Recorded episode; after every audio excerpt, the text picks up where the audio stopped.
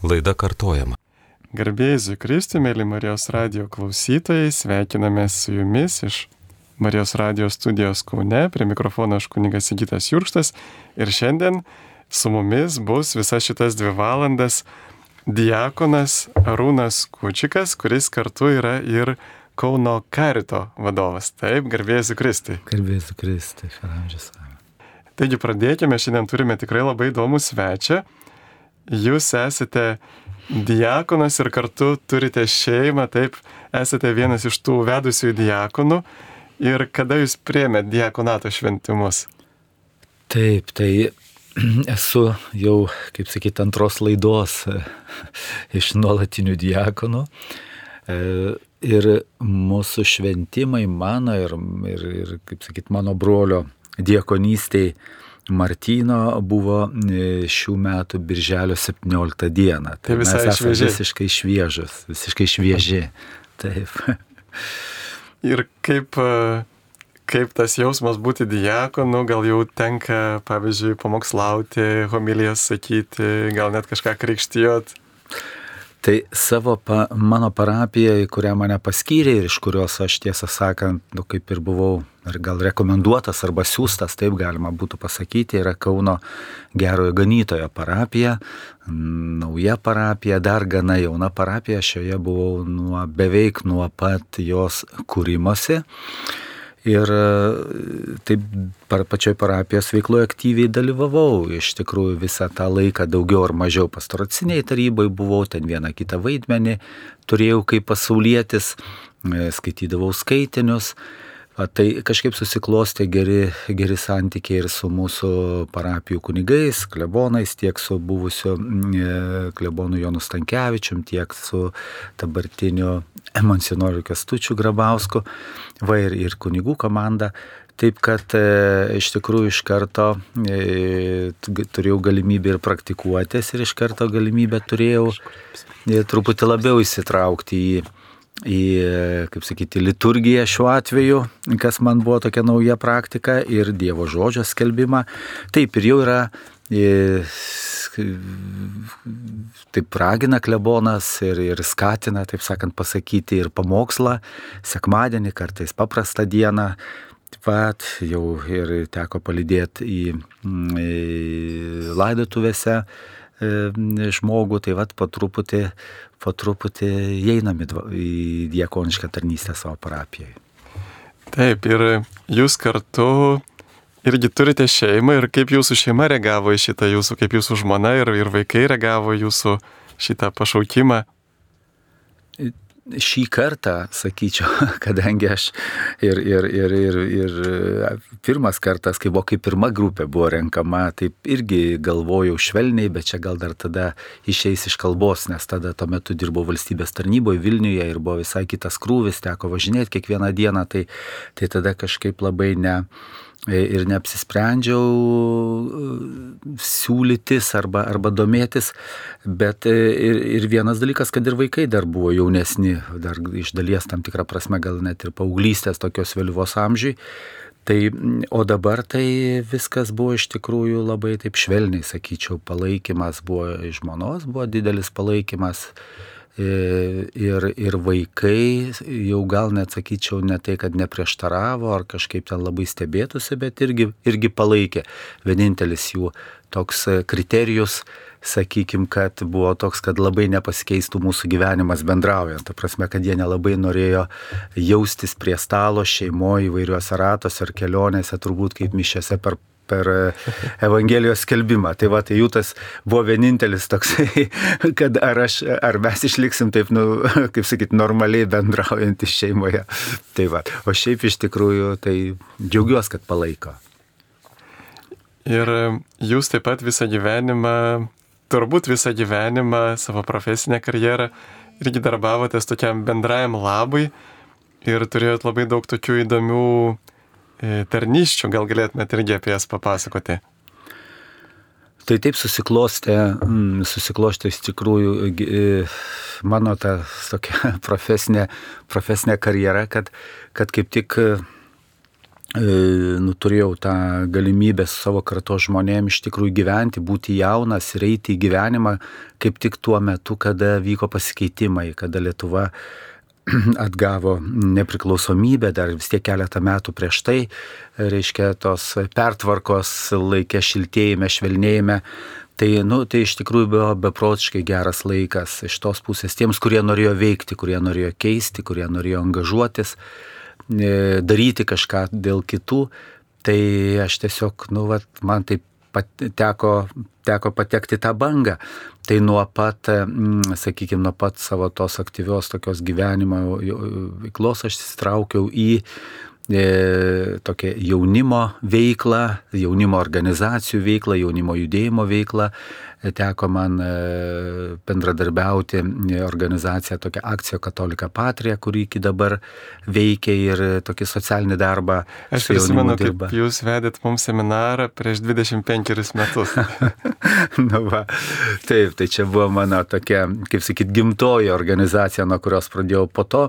E, džiaugiausi, kad galėjau įsitraukti tuo metu Kauno arkivyskupo e, Sigito Tamkevičiaus E, mintis, kada buvo kurti evangelizacinį centrą, kuris paskui jaunimo centru tapo, ką dabar vadinam Kaicas, Kauno arkiviskupijos jaunimo centras, čia Kaune Vilnius gatvė 7, va mūsų visai kaiminystiai. Tai e, dar e, tuo metu E, nebuvo vyskupų, dabartinis vyskupas Norvila buvo atsakingas už, už tos idėjos e, įgyvendinimą. Čia vyko statybos, remontai Vilniaus gatvės 7, mes kasdieną užžeidom, žiūrėdom, kaip čia viskas atrodys, kaip atrodys patalpos, įsivaizdavom, kaip mes čia veiksim, kaip mes dirbsim, kaip čia kviesim jaunimo grupės, kaip, kaip darysim viską kitaip negu mokykloje. Tai turiu galvoj, kad nu, ne tokia pamokinė prasme, bet kad, kad įsitrauktų jauni žmonės, kad jie gautų tas kitas tokias formas. Tai man teko iš tikrųjų tikrai ne, nemažai laiko e, čia kurti, bendradarbiauti, veikti ir pradėti tas pastoracinės tokias jaunimo, jaunimo iniciatyvas. Viena iš tų tikrai įsimenančių tokių linijų, sakytume, programų buvo, kada mums leido su Kauno kunigų seminarijos seminaristais bendrauti ir, ir važiuoti į Kulautuvos jaunimo namus kartu ir ten irgi taip įvairiom formom, tada bendrauti buvo iš tikrųjų toks abipusė tokia didelė nauda. Tai va šita, šita dalis toliau e, buvo Kauno miesto ir, ir taip Lietuvos mastu teko įsitraukti tiek į jaunimo organizacijų veikimą, tiek į socialinių organizacijų veikimą, kurios veikia socialinėje srityje. Įvairios organizacijos, nes vis tiek kažkaip kažkaip tai matėsi, kad pagalbos žmonėms ir, ir tokio, tokio ne tik iš valstybės, ne tik iš savivaldybės pusės, bet iš tikrųjų reikėjo. Tai vat, būtent per tai teko įsitraukti ir į tą e, platesnį nevyriausybinio organizacijų lauką. Tai sakyčiau, kad mano nu, tokia pagrindinė gyvenimo profesinė dalis yra nuspalvinta tokių darbų veikla ne valstybėse, nevyriausybinėse organizacijose. Taip, ir dar kiek žinau, jūs liktai darbavotės ir prezidento Valdo Damkaus komandoje. Taip, ir paskui gavosi taip, e, kad čia 2004-2009 metų kadencijai, kad 5-2009 e, metų kadencijai e, buvau pakviestas į komandą ir kaip tik įdomu buvo, kad taip pat irgi daugiau mažiau kūruoti tas, tas rytis, vat, neformalų darbą su jaunimu arba jaunimo veikla, jaunimo politika, sporto e, klausimus, daugiau mažiau. Tai taip, tai ten e, vieną kadenciją penkis metus darbavausi komandoje e, prezidento valdo Damkaus ir po to dar šešis metus socialinės apsaugos ir darbo ministerijoje teko dirbti jau karjeros valstybės tarnautojų, kuomet e, tuometinė vyriausybė norėjo stiprinti bendruomenių ir nevyriausybinio organizacijų, reiškia, e, tokią politiką ir tada e, buvo pirmas ministras gerbiamas Dagys, antras e, ministras po to gerbiamas Jankauskas, kurie, kurie labai stipriai palaikė tą bendruomeninį organizacijų judėjimą. Ir ten tikrai teko nemažai irgi dalykų padaryti, tarp jų ir savanoriškos veiklos įstatymą renkti ir priimti ir tada inicijuoti įvairius kitus mes sakytume tai pilietinės visuomenės veikimui svarbius teisės aktus. Taip, ačiū. Štai matome vieną klausimą, iš anksčiau šiek tiek jau parašyta. medžiagorės regėjimai regėtoje rodomi viešai internete. Ar gerai yra stebėti, abejoti ar tikėti? Kokia jūsų nuomonė, Rūnai? Oi, aš labai taip, kaip sakyt, turiu prisipažinti, pastaraisiais metais jau mažiau gilinosi. E, taip sakant, nesidomiu kažkaip labai specialiai ypatingai e, tom, tom, tom temam, nors turbūt gal 90 kažkuriais metais čia buvau su grupe važiavom Medžiagoriją ir ten irgi patyriau ir, ir išgyvenimo tokių rimtų ir, ir visi, kurie važiavom tada autobuse, tikrai paliko, paliko ir įspūdį ir, sakyčiau, tam tikrą e, tam tikrą anspaudą tokio stipraus, stipraus išgyvenimo. Bet tai buvo turbūt viena pirmųjų kelionių, e, tokių tolimesnių už, už Lietuvos ribų. E, Man sunku yra pasakyti, e, iš tikrųjų aš gal labiau linkęs esu toks už daugiau tokį asmeninį, asmeninį bendravimą, mažesnėse tokiose grupėse, labai, labai taip sakant, nenušviečiant ir neeksponuojant. Tai, bet čia mano tik tai nuomonė tokia būtų. Taip, ir čia mes turbūt irgi nekartą kalbėjome apie medžiagorės tą statusą, kad tai tie apsiriškimai nėra pripažinti dar bažnyčios, bet gali būti, kad einame link to, nes e, kada buvo e, Benedikto XVI laiku įkurta komisija tirti tiems įvykiams, kardinolų Ruinį vadovavimą komisiją. Ir ji jau prieš devynerius metus, praėjo devyneri metai, 2014 metais jį patikė išvadas. Tai buvo tikrai autoritetinga komisija iš įvairių viskupų, Vatikano pareigūnų aukštų, iš uh, E, vietinių aplink Bosniją esančių universitetų teologijos dėstytojų, iš įvairių ekspertų, psichoterapeutų ir panašiai. Ir ta komisija prieimė tokius keletą tokių sprendimų, kurie jau keletas jų yra įgyvendinti. Vienas sprendimas, kad e, perduoti medžiagorės administravimą e, paimti nuo vietos vyskupo, kuris buvo priešiškai nusistatęs, e, netgi buvo kažkada paskelbęs, kad e, jo nuomonė tai yra ne iš Dievo šitie apsiriškimai, bet Vatikanas kalbėjo Tarcizijo Bertonė, paskui reaguodamas vienam, vieno vyskupo klausimą, sakė, kad tai yra to vyskupo, vietos vyskupo asmeninė nuomonė, nes ne jisai sprendžia, bet galioja tos, ta vadinama Zadaro deklaracija Jugoslavijos viskupų konferencijos 91 atrodo metų, kad kol kas tai yra tarpinis sprendimas reikalingas tolesnis tyrimas. Nėra nustatyta ant gamtiškumo, bet nėra ir nustatyta, kad tai būtų kažkokia apgaulė. Na, bet ir paskui e, štai ta kitas buvo sprendimas tos komisijos, Ruinį kardinolo komisijos, kad e, panaikinti draudimą organizuoti keliones. Tai kaip matome 2019 metais, Fatimas beje apsiriškimų išvakarėse, gegužės 12 tas e, draudimas panaikintas. Ir dabar ir viskupai, ir kunigai gali ir patys vykti ir organizuoti keliones į Medžiugorę. Ir visai neseniai popiežius pasiuntė, va dabar kaip tik vyksta Medžiugorėje jaunimo festivalis ir popiežius pasiuntė savo oficialų sveikinimą ir laišką to festivalio dalyviams.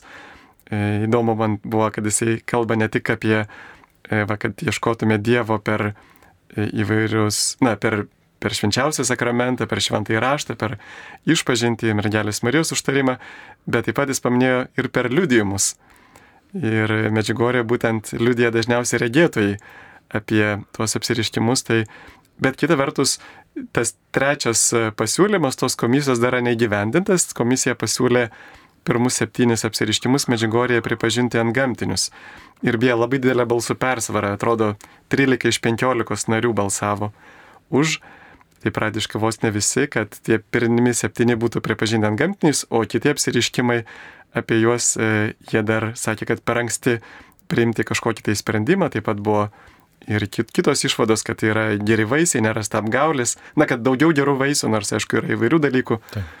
Tai va, tai per daug neišsiplenčiant, aišku, kad mus ir pati bažnyčia visą laiką veda link Jėzaus to viešo apreiškimo šventajame rašte, link jo tikro buvimo e, sakramentus, ypač, kom, ypač Euharistijoje. Taigi bažnyčia visą laiką veda link to ir jeigu mums tie dalykai padeda artėti link sakramentų, link Dievo prieškimo šventajame rašte, tai gerai. Bet jeigu trukdo, tai blogai. E, toliau, ar Jonas Krikštytojas ir Jėzus Kristus gyveno tame pačiame amžyje. Tai taip, Jonas Krikštas buvo Jėzaus e, giminaitis ir jisai buvo labai panašaus amžiaus su Jėzumi. E, ir keletą mėnesių prieš Jėzaus gimimą gimė Jonas Krikštytojas. Ar krikščionybė pripažįsta kabalą ir reinkarnaciją?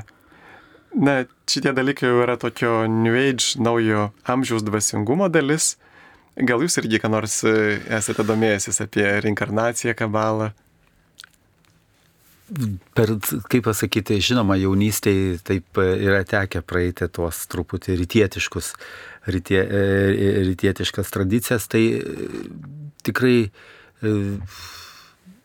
labai noriu, tiesiog dabar tai laikausi savo tokio, kad iš tikrųjų laikausi bažnyčios mokymo, esam krikščionis ir manau, kad tai yra tikrai pakankamai pakankamai pažinti, gyventi pilnavertį gyvenimą, iš tikrųjų tiek dvasinį ir, ir aukti tame ir turėti perspektyvą. Ir nėra, ne, nebūtų būtina ieškoti kitų E, kitų tradicijų, kitų, kitose kontinentuose kilusių, e, kilusių praktikų, sakyčiau gal taip. Ir iš kitos pusės aš asmeniškai irgi taip nu, nelabai esu linkęs vertinti konkrečiai, nes kiek esu susidūręs, suprantu, kad perprasti taip greitai rytietiško pasaulio, E, rytų religijų, ne, tai taip pat ir tų, kurios kalba apie reinkarnaciją ir taip toliau. Tai, ką mes kritikuojam, neretai būna supaprastintas toks modelis, kurį, kurį turim ir tada jį kritikuojam. Bet e, ten yra tikrai pakankamai sudėtingi, pak, pa, pakankamai įvairovė labai didelė ir kad taip susistemint, sudėliot, tai ir kritikuoti, taip sakant, stipriai, tai, tai manau, aš tiesiog neturiu tam nei tiek žinių, nei, Ir, ir, ir, ir, ir dėl, to, dėl to laikausi tiesiog puoseliu savo tikėjimą ir jį laikau iš tikrųjų ir pakankamu ir, ir duodančiu visko, ką, ko, ko mums reikia ir čia gyventi, ir išganimui.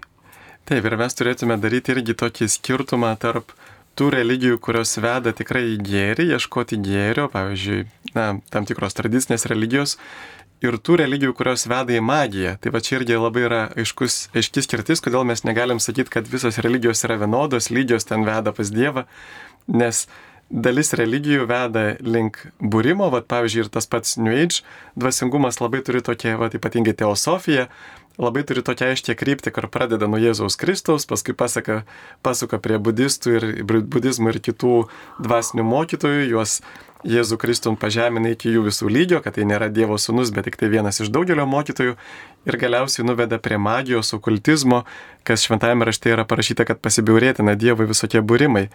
Tai čia turėtume labai būti atsargus. Yep. Ir turbūt, dar reikia atsisigyti, aš manau, kad tikrai mūsų kaip žmonių tenden, mes kaip žmonės kažkaip tendencingai esam linkę iš to, ką, kur susidurėm su dvasiniu pasauliu, taip sakant, linkti link magiškų tam tikrų apraiškų. Ir taip pat ir krikščionis, taip pat ir katalikai turim būti dėkingi bažnyčios mokymui, magisteriumui, ganytojams, kad mus nuolat, kaip sakyt, kad mus nuolat kreipiam, nuolat, nuolat gražina. Nes norisi, norisi, taip sakant, valdyti matyti anapusinę tikrovę tam tikrą prasme ir, taip sakant, atlikti tam tikrus ženklus, už tai gauti, kažką užsitikrinti savo dalykus ir, ir iš tikrųjų ir mums yra tokia pagunda, su kuria turim net ir savo, savo religingume e, nuolat būdėti, taip sakant, ir leistis vadovavimi, leistis e, perklausiami, leistis pamokomi. Taip, čia labai geras tikrai pastebėjimas, mes daug dalykų darome jau šiek tiek magiškai kartais, pavyzdžiui, tos tą žvakelių irgi praktiką, kad e, va čia būtinai reikia uždegti žvakelį ir atrodytų, kad jau ta žvakelė jau kaip ir meldžiasi, nors iš tikrųjų tai juk e, žvakė jokia ar, ar už 20 eurų pirkta, ar už 50 centų jinai tikrai jokios maldos visiškai neatstoja. Tai turim tikrai saugotis tokių magiškų praktikų. Kitas klausimas, kas yra adventistai? Ar tai krikščionybės atšaka, ar tai katalikų kažkokia bendruomenė? Gal esate girdėjęs taip, apie adventistus? Taip, esu, esu girdėjęs ir bijau taip, e, taip sakant, kadangi spontaniškai dabar kalbam, bet e, aš kiek, kiek žinau, tai apie adventistus kalbėtume kaip apie, apie laisvųjų krikščionių grupę, viena iš laisvųjų, taip vadinamų, laisvųjų krikščioniškų bažnyčių, kurios yra kilusios iš protestantiškos reiškia, linijos ir, ir tradicijos, bet jos nėra tos istorinės e, protestantiškos bažnyčios kaip evangelikai liuteronai, evangelikai reformatai, bet yra laisvosios bažnyčios turbūt, kurias galima ten taip atsargiai irgi minėčiau, ar, ar, ar baptistai, ar adventistai, sėkminininkai. Tai, tai, tai yra krikščioniška, kiek suprantu, iš tikrųjų krikščioniška, krikščioniška bendruomenė, bet e, turinti savo, turinti savo tam tikrus akcentus. Taip, ir čia turėtume irgi daryti tokį atskirimą, kad e, viena vertus tai yra krikščionis ir jie skaito Bibliją, jie tiki Jėzus Kristus dieviškumu ir, ir šita prasme jie, na, yra mūsų broliai, bet kita vertus, e, jie labai akcentuoja, vad kodėl parašyta septintosios dienos, nes jų pavadinime, nes septintoji diena, tai pasiek, na, pagal žydų skaičiavimą tai būtų šabas e, šeštadienis, taip. Ir kita vertus jau pirmieji krikščionys, jie, pavyzdžiui, Justinas irgi kalba, kad, kad susirenka ne septintą, bet aštuntą Saulės dieną, minėdami, krikščionys švenčia ne šabą, kaip žydai, bet e, sekančią dieną, kur yra tarsi aštuntoji diena, kaip primenanti mums e, vėl, kad viskas prasideda nuo pradžių, tarsi naujas kūrimas.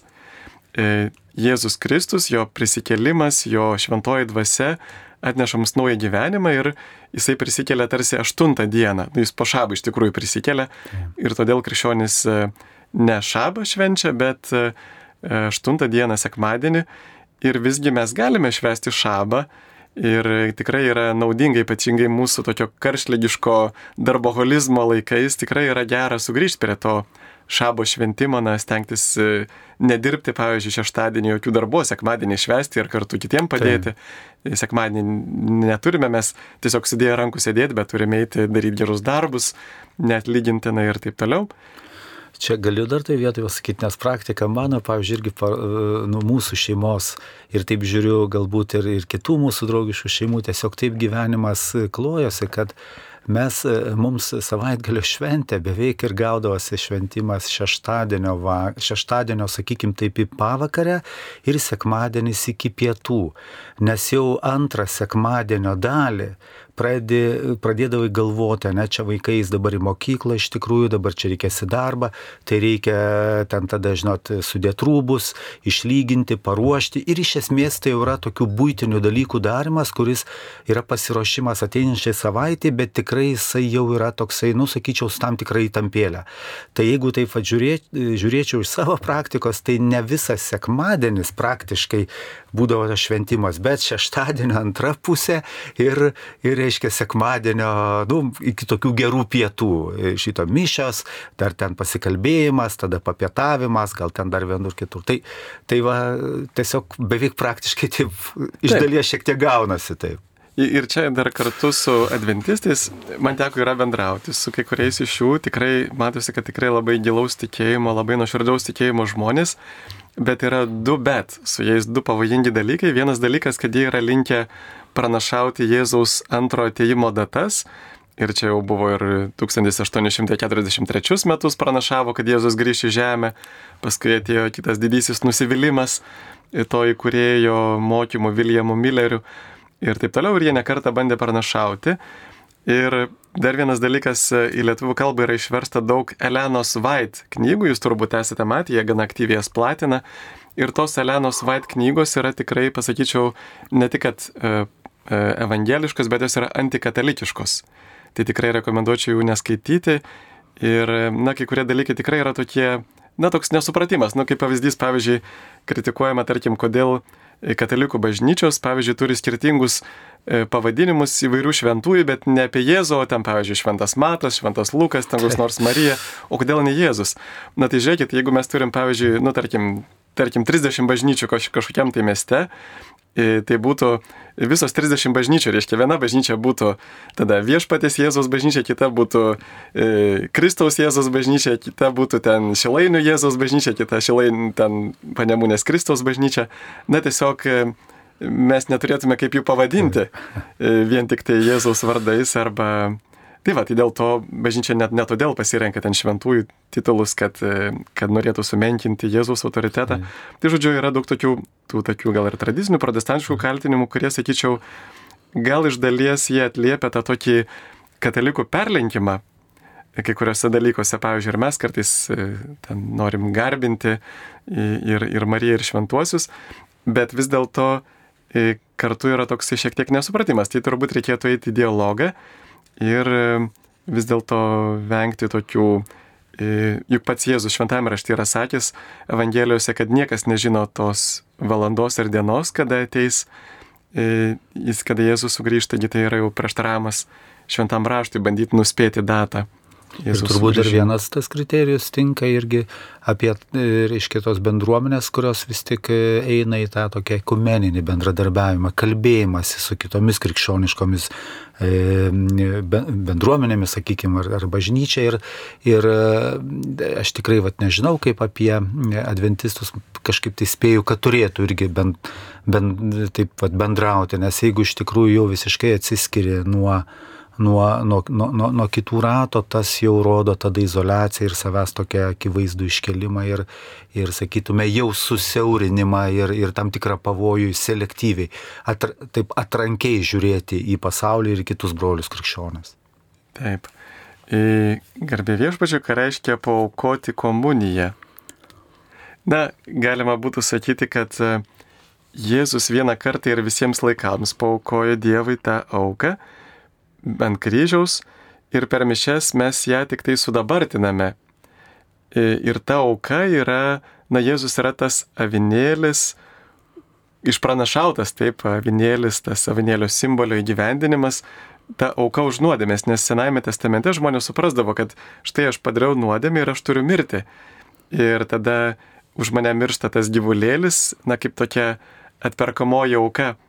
Tai štai Jėzus už mane pasiaukojo ir aš dėkodamas tėvui, aš irgi kartu aukoju tėvui tą komuniją, kurią priimu tą Jėzų kartu su kunigu irgi vėl aukoju tėvui kaip atlyginimą už pasaulio nuodėmės, už savo nuodėmės, na kitaip sakant, sudabartinu laikę tą vienintelę Kristaus auką. Ir Jėzus to norėjo, sakė, tai darykite mano atminimui. Va ir kartu mes ir vienėmės su Jėzumi, vienėmės su jo auka, su jo misija Va ir mes galim paukoti komuniją, pavyzdžiui, už mirusiuosius, kurie negali priimti komunijos, kurie gali melsis už mus, bet jie savo išganimui, kaip bažnyčia moko, nieko negali pakeisti.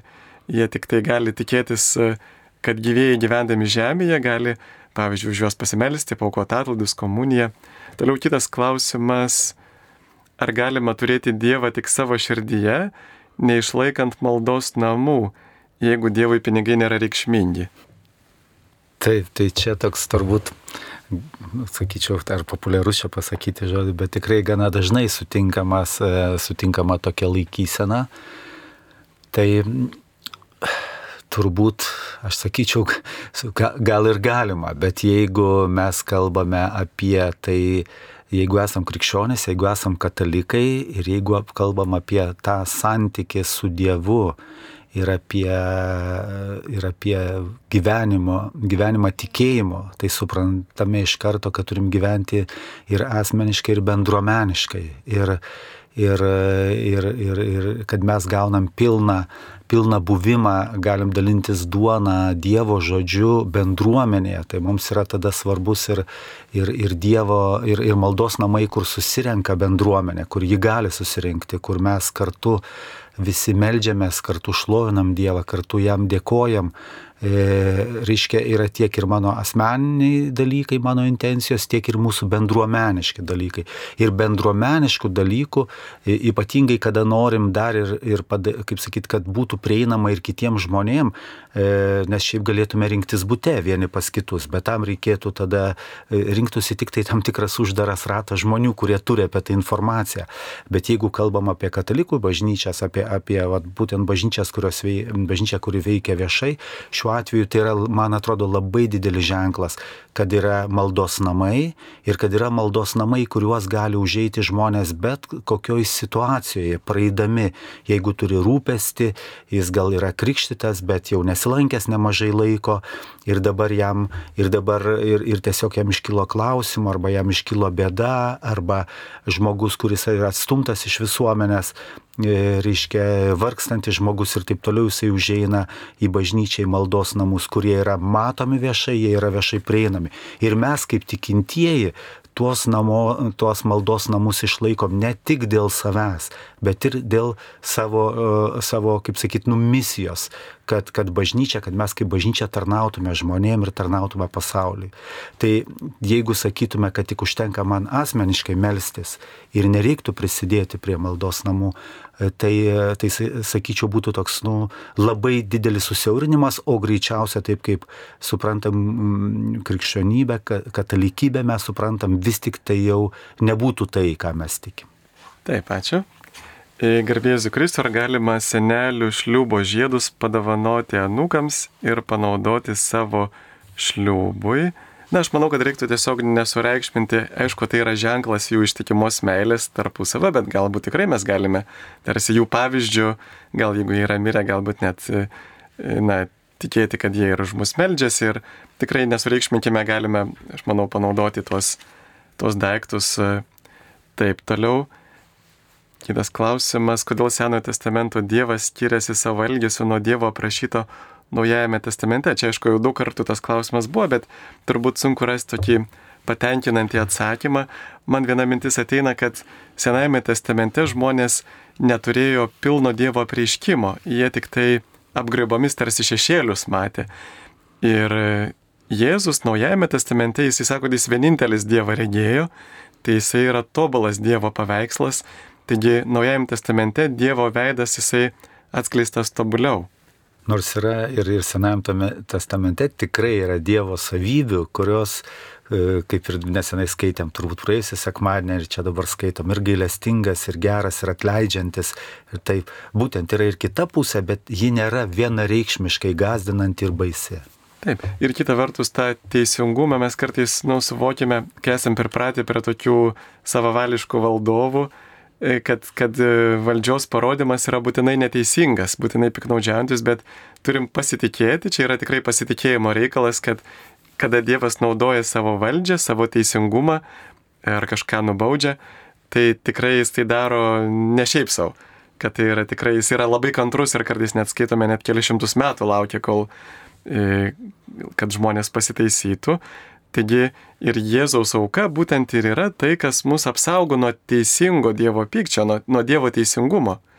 Ne nuo šiaip jo kažkokio tai piktumo, blogo, blogumo, bet būtent nuo jo teisingumo. Mes ir patys trokštame teisingumo, kad jis būtų statytas.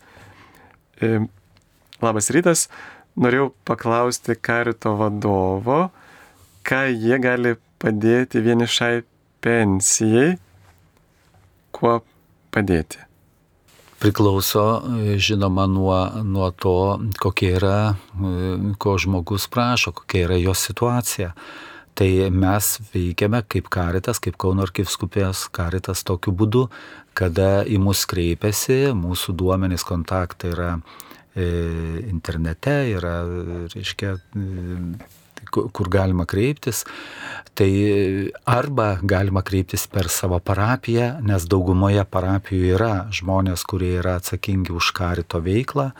E, tai tuo met žiūrim, jeigu e, pagalbos reikia ten ar truputį ar, ar maistu, ar ten kažką padėti, va tuo momentu kažkaip truputį pagelbėti finansiškai, ar truputį apsilankyti, ar pakalbėti, tai yra parapijoje žmonės atsakingi arba iš karito centro, kurie susisiekia ir pasiaiškina poreikį.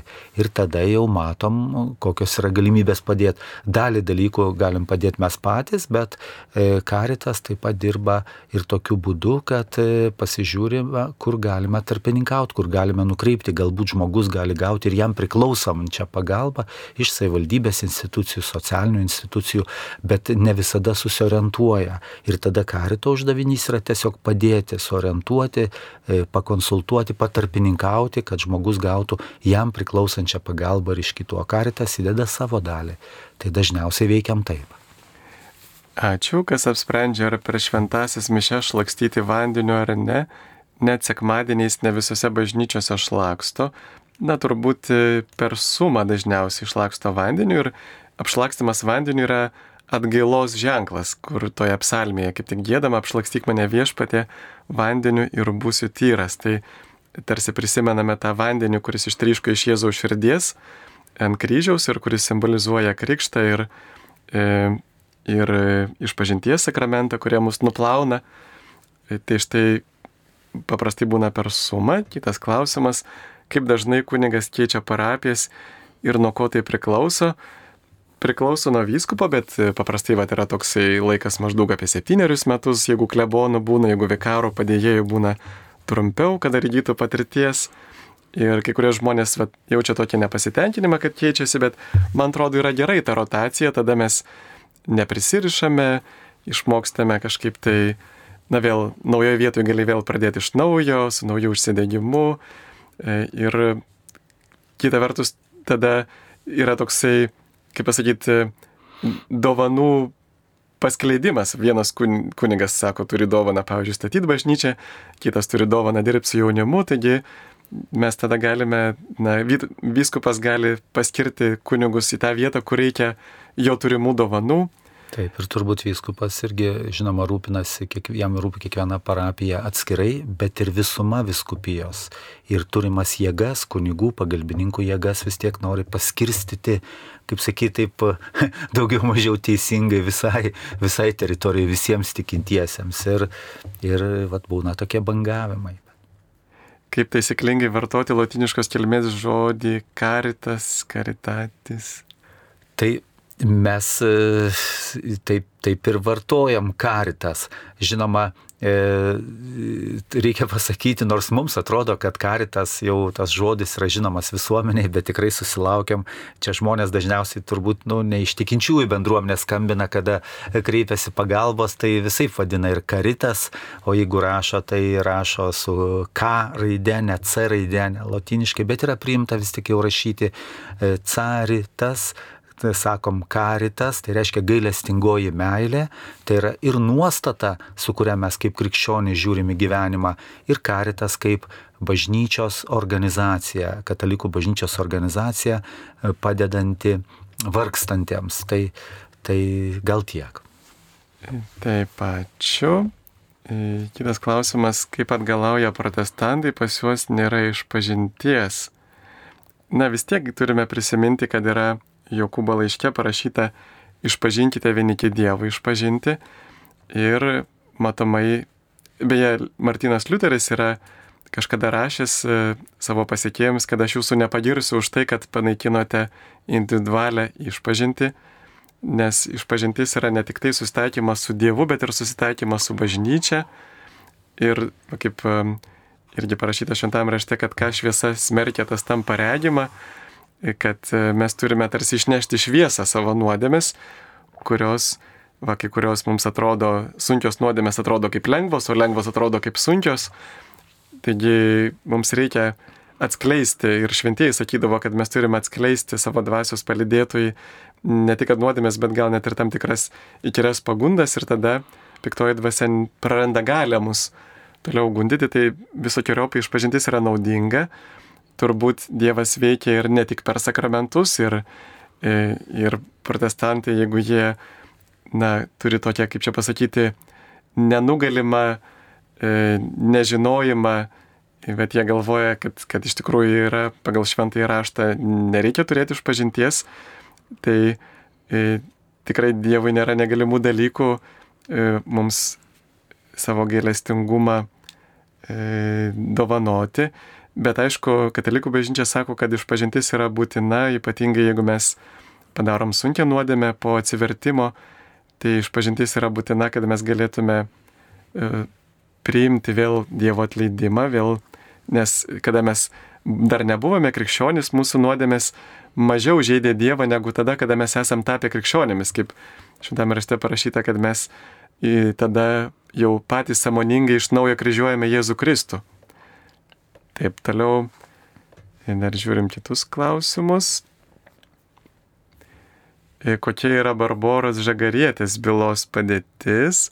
Na, kiek man teko girdėti, kad e, kol kas ieškoma istorikų, kurie galėtų imtis e, to istorinio darbo, istoriškai pagrysti, nes va čia, kur teko matyti, pavyzdžiui, Adelės Dirsytės bylą paruoštą, tai ten yra milžiniškas darbas, ten kelių tūkstančių puslapių byla, kuri iš pradžio lietuviškai parengiama, paskui turi būti išversta į, į, užsienio kalbą, nežinau kokią, ir nusiusta į Vatikaną. Taigi, na tai yra milžiniškas darbas ir jisai turi atlikt, būti atliktas labai profesionaliai. Tai štai bažnyčia ieško istorikų, kurie galėtų to imtis. Dar kol kas trūksta. Toliau žiūrime E, ar žmogaus gimimo vieta turi reikšmę, kokį tikėjimą turime priimti ir kodėl mūsų Dievas neleido kitiems jį pažinti. Nu, aš manau, galvoju taip iš tikrųjų, kad uh, tai turbūt pra, uh, visų pirma tai gaunasi šiek tiek ir natūraliai, tam tikrą prasme, kokioj gimstame kultūrinėje aplinkoje, kokioj religiniai tradicijai gimstame, tai turbūt e, yra čia ir primam tą tikėjimą ir jame, ir jame gyvename. Ir aišku, e, yra religinės bendruomenės arba yra, kaip ir mūsų bažnyčia, kurios turi misionierių, net ir kitose kultūrose ir kitose, kitose kaip sakyt, geografinėse platumose yra e, yra misijos ir yra didelės dedamos pastangos, buvo ypatingai didelės dedamos pastangos supažindinti e, kitų kultūrų, kitų tikėjimų žmonės su, su, su krikščionybė, su Jėzumi Kristumi, su, su Evangelija. Gal ne visada tie metodai buvo e, tinkami, bet e, ir, ir, ir, bet vis tiek tokios, tokios pastangos buvo. Tai e, aš taip galvočiau, kad vis tiek pirmiausia, turbūt pirmiausia natūraliai yra, kad priemi tą tikėjimą, gyveni toj kultūroje, kurioje, kurioje esi gimęs, o toliau vis tiek pasitikė ir Dievo, dievo vedimu ir, ir, ir kaip susiklosto tavo gyvenimas. Ir iš kitos pusės, jeigu ieško žmogus tiesos ir klausosi savęs ir, ir, ir, ir taip sakant, ir stebi gyvenimą, stebi, stebi santykius, stebi įvykius ir ypatingai jeigu, manyčiau, ieško tiesos, tai jį gali keliai turėtų keliai vesti link, taip sakant, dalykų, kad, kad, kad Dievas jam atsilieptų taip, ir parodyti kelią. Taip, Mums paskambino Lina iš Kupiškio. Garbė Jėzui Kristui. Per amžius, Lina. Aš skambinau e, į praeitą laidą Klaus drąsiai ir kunigas Neris Pipiras mane komentavo ir mane peikė, kad aš kritikuoju kunigus. Tačiau aš manau, kad jeigu kritika yra pagrista, ji yra gera aš tiesiog dirbu savo darbą pranašaujančiojo toks darbas yra sakyti pastabas kunigams jeigu tai yra manau reikalinga aš tiesiog noriu kad mes visi būtume tiesoje nes dievas yra tiesa ir dar kunigas Nerijus Pipiras atsigrėžė į praeitį ir parodė, kad ten buvo blogų pranašų, e, su kuriais aš nesu visai susijusi. Jis tiesiog kėlė įtarumą mano atžvilgiu.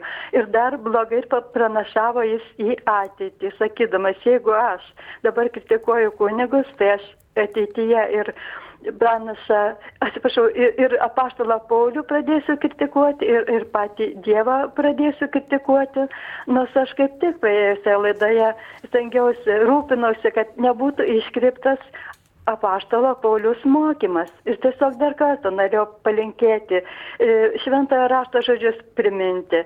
Negesinkime, negesinkite dvasios, neniekinkite pranašavimu. Taip, ačiū, ačiū. Dėkojame. Taip, e, dabar ir dar vat, grįžtant prie jūsų, e, prie to ankstesnio klausimo, kad e, žmogus kiekvienas turi tokį visuotinį apreiškimą Dievo, tai yra būtent per gamtą ir per sąžinę. Ir nėra tokio žmogaus gyvenime, kuris negalėtų Dievo pažinti, matydamas tą nuostabią, be galo sudėtingą ir dabar jau žinome užprogramuotą gamtą, tiesiog kodinė kalba yra užprogramuota kiekviena gyva būtybė. Ir mes žinom, kad programas kuria tik programuotojai, jos neatsiranda atsitiktinai savaime. Taip pat ir matome, kiekvienas žmogus turi sąžinę ir kiekvienoje kultūroje.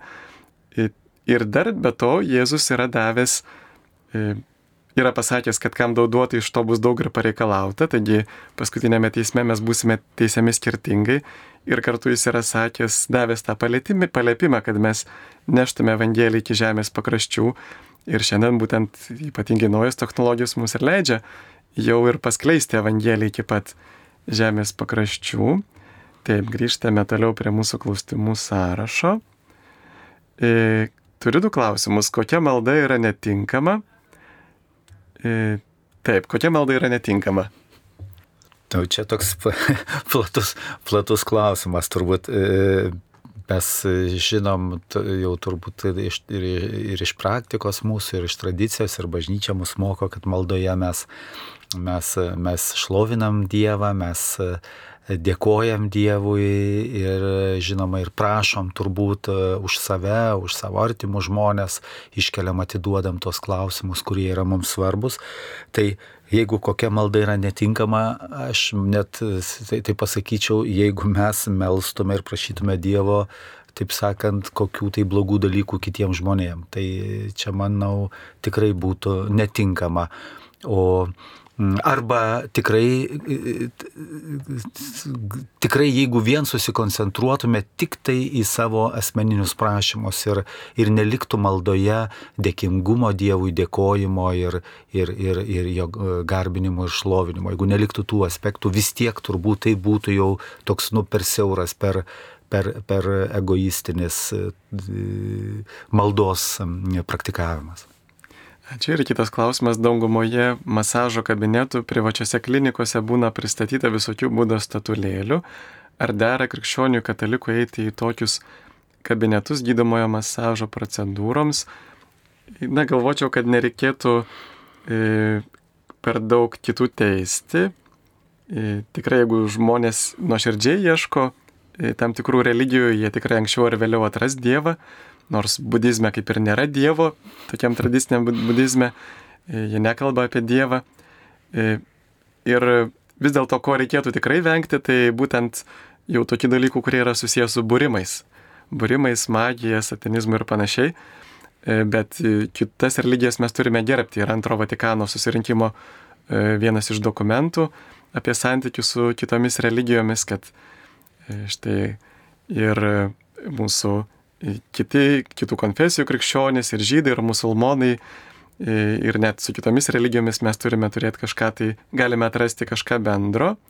Aš manau, gal tame dar tik tai, žinau, kad yra griežtesnių pozicijų, tokių laikysenų, bet aš manyčiau taip, kad e, jeigu tikrai ten masažas gydomasis yra daromas ir taip toliau, tiesiog kas yra naudinga kūnui, tai greičiausia tikrai to nereiktų labai bijoti, reiktų jau būti atsargiem, jeigu E, tas, kuris masažuoja arba tas, kuris atlieka kažkokias procedūras, pradeda tą jau grįsti tokiais e, teologiniais dalykais, pas, pasakodamas apie, apie tam tikrą ten dvasingumą, apie tam tikrus, e, reiškia, dalykus, kurie jau nėra tiesiogiai susiję su sveikata arba su tais dalykais, kuriuos tau daro, bet tokiais, jau sakykim, giliais pagrindimais. Tai tada iš tikrųjų, jeigu turim jėgų, galim pasikalbėti, bet, nu, kad kažkaip nebūtume indoktrinuoti. Jeigu esam pajėgus pokalbį pasikeisti nuomonėm tvarkoj, bet, bet e, tiesiog šito gal vengti. Taip, ir dar vat, yra toks dalykas, kuris irgi yra pavojingas, tai reiki. Jis irgi yra šiek tiek susijęs su tokiu kaip ir mas, nu, ne tai kad masažas, bet vat, su rankomis žmonės bando gydyti, juos apgauna, kad štai čia Jėzus taip pat gydė. Tai čia yra ir tikrai pavojinga, čia jau yra susijęs su magija. Taip, turime skambutį.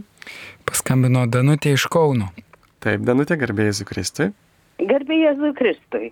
Aš norėčiau kunigėlį užduoti e, du klausimus. Noriu paklausti, kur kai kalbi e, amžinatelsi maldą ir pačioj pabaigoj, gal, reiškia, tegul ilsisi ramybėje ir sakom, amen. O aš dar pridedu tegul ilsisi ramybėje per Kristų mūsų viešpatį. Ar čia aš teisingai sakau? Taip, visas maldas mes e, melžiamės per Kristų ir gerai, jeigu pridedate taip. Tas amžinas atlisis, tai iš tikrųjų tiksliau būtų versti, na aišku, nereikėtų keisti maldo žodžių, bet, pavyzdžiui, latiniškai yra pax eternum, tai yra ramybė. Ir įdomu, kad pats Jėzus yra ta ramybė, tam žinojo ramybė. Tai ne šiaip savo, kad jie ten ilsisi kažkur kapose, bet tai yra amžina ramybė, kurią žmogus patiria, na ta amžina netgi ne tik ramybė, bet ir ta e, žydiška prasme šalom, kad tai yra e, visiška pilnatvė, e, laimė, ramybė, kada žmogus tiesiog yra nieko nestokoja ir tai va yra Dievo meilės artume, tada jis patiria tą amžiną ramybę, tai va jos mes melžiame. E, kaip dažnai pasauliečių reiktų eiti iš pažinties, kaip Jūs manote? Nu tai turbūt, kaip čia pasakyti, gal irgi žmonės patys, patys tam tikrą prasme jaučia, jeigu gyvena tokį sažiningą ir, ir, ir savistaboje, tokį savo tikėjimo, savo dvasinį gyvenimą, bet e, turbūt vis tiek laikytis bažnyčios nurodymų reiktų pirmiausia, aš sakyčiau, yra tas bendras rėmas bent kartą, bent kartą metuose. Ir, e, ir žinoma, kada pradeda sąžinė jau turbūt sakyti, kad gali būti, nu kažkas tai yra jau neramumo, gali, gali būti sunki nuodėmė. E, arba kažkokia buvo labai sudėtinga situacija, po kurios iš tikrųjų, nu, sąžinė nerami. Tai, tai tada reiktų tikrai nelaukti ir, ir, ir eiti. Ir aš patarčiau, bet ir kažkuriam tai atrodo, ar jūtėt, kad akizmi irgi buvo tokia mintis, kad yra gera ir praktikuoti reguliariai išpažinti, tą vadinamą pamaldumą išpažinti. Tiesiog, pavyzdžiui, kas mėnesį ateiti, nes tikrai iš vaisių matome, kad kurie ateina retai, kartą metuose, jie jau ne, na, praranda nuodėmę suvokimą. Nebežino, kas ta nuodėmė ir pačiam žmogui yra blogai, kada jisai, na, per daug retai ateina iš pažinties, nes paprastai mes ir nesigiliname savo nuodėmės, kai nėra e, tokio pasiryžimo. Kas buvo tie fariziejai, jie nepriėmė Jėzaus tik Nikodemas ir Saulis. Na, fariziejai buvo tokie irgi religinė grupė žydų, kurie labai uoliai stengiasi vykdyti visus įsakymus, bet Jėzus vadina fariziejiškumą veidmainystė, fariziejų raugų veidmainystė. Tai reiškia, kad jie išoriškai rodėsi teisūs, bet viduje buvo, kaip Jėzus sakė, pilni e, nedurumo, nesivaldymo. E, žodžiu, kad tai yra tik tai toksai išorinis apsimestinis teisumas. Kaip sako, praryjate, iškošėte uodą, o praryjate kupranugarį. Na, kartais ir mes galim tokių užsikrėsti, e, tokių, nu, kaip čia pasakyti, elgesio būdų, kada pradedam kabinėtis prie smulkmenų kitose žmonėse, o savo atleidžiame netgi sunkės nuodėmės. Galime kitus ir prakeikti, ir, ir visai na, neapkesti ir panašiai. Tai vad, čia turėtume irgi pirmoji vietoje Jėzus neveltui iškėlė tą Dievo ir artimo meilės įsakymą. Tai va čia yra turbūt geriausias vaistas nuo farizėjiškumo. Taip, noriu sureaguoti klausytoją Liną, pranašavimas Tai gerai, tačiau paklusnumas bažnyčiai yra daugiau nei dovanos ir nepamirškime, kad pranašavimas yra dovana, malonė bendruomeniai ir nereiškia didesnio maldingumo iš kitus. Labai linkiu kuklumo ir paklusnumo bažnyčiai. Taip, ačiū klausytojai už atsiliepimą. Prašau paaiškinti, kam yra reikalingi nuolatiniai diakonai, kurie turi šeimas. E, man kaip vyresnės kartos tikinčiai nesuprantama, nes kunigų kol kas nėra trūkumo. Taip, kaip atsakytumėt? Taip. Tai pir, visų pirma, ačiū už klausimą, visų pirma, nuolatiniai diakonai, jų gražinimas tam tikrą prasme į bažnyčios, į bažnyčios gyvenimą e, nėra tiesiogiai susijęs su kunigų trūkumu ar, ar netrūkumu, nes e, pirmais amžiais jaunosios bažnyčios metu, pirmųjų bendruomenių ir toliau diakonai buvo labai aktyvus ir labai svarbus, diakono tarnystė buvo labai žymi tarnystė bažnyčios bendruomenių gyvenime, nes diakonas reiškia arba atspindi tarnaujantį Kristų. Ir e, Todėl mm, tai buvo, mm, iš tikrųjų buvo toks, nu, tokia, tokia pilna, tarnyšių, tarnyšių pilnatvė.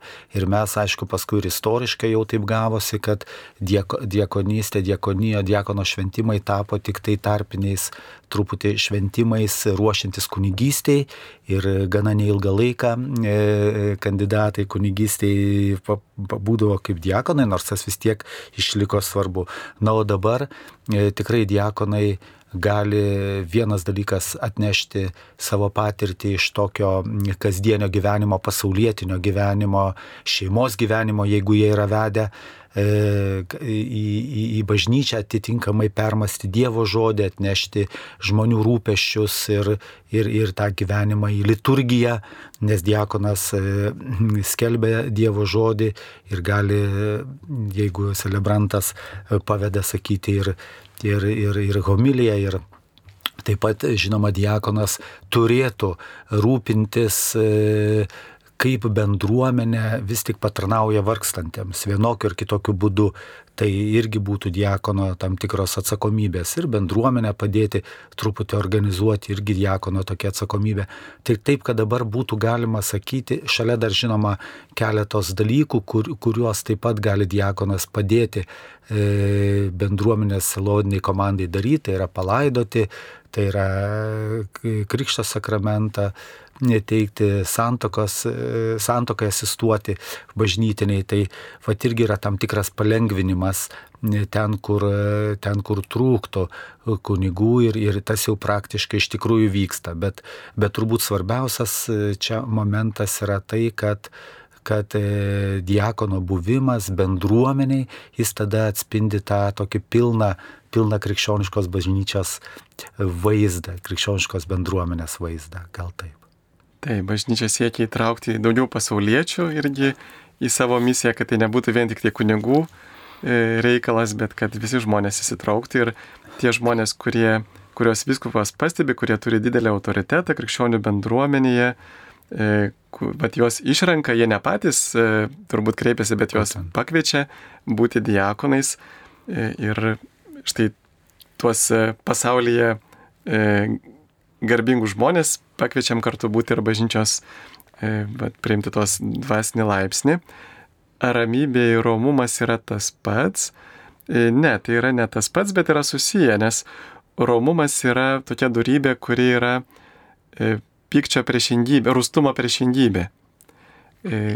Pavyzdžiui, piktas žmogus jis niekada neturi ramybės. Todėl, kada tampame, išmokstame būti romus, tai yra išrūkštumą reaguoti švelnumu arba paprastai tariant gėrį nugalėti, blogį nugalėti gerumu, va tada kartu ir ateina į ramybę į mūsų gyvenimą. Tai yra toksai gebėjimas nenaudoti jėgos, prievartos, bet e, švelniai e, atsakyti į blogį e, kitose žmonėse. Aišku, kartais reikia tikrai panaudoti tą jėgą, bet, bet čia eina kalba labiau apie tokius tarpusavio santykius. Taip, na tai mes tada padarytume per traukėlę iki susitikimo. Likite su Marijos radiju. Liepos 29-30 dienomis Kryžio kalno atlaidai. Kryžius - mūsų viltis ir stiprybė. Atlaidai skirti Švento Jono Pauliaus antrojo vizito Lietuvoje 30 metų jubiliejui. Atlaidų programa. Liepos 29 dieną šeštadienį 19 val. Vigilija Kryžių kalne ir Kryžiaus kelias. Liepos 30 dieną, sekmadienį, 11 val. piligriminis žygis nuo Šiaulių katedros į Kryžių kalną. Nuo 14 val.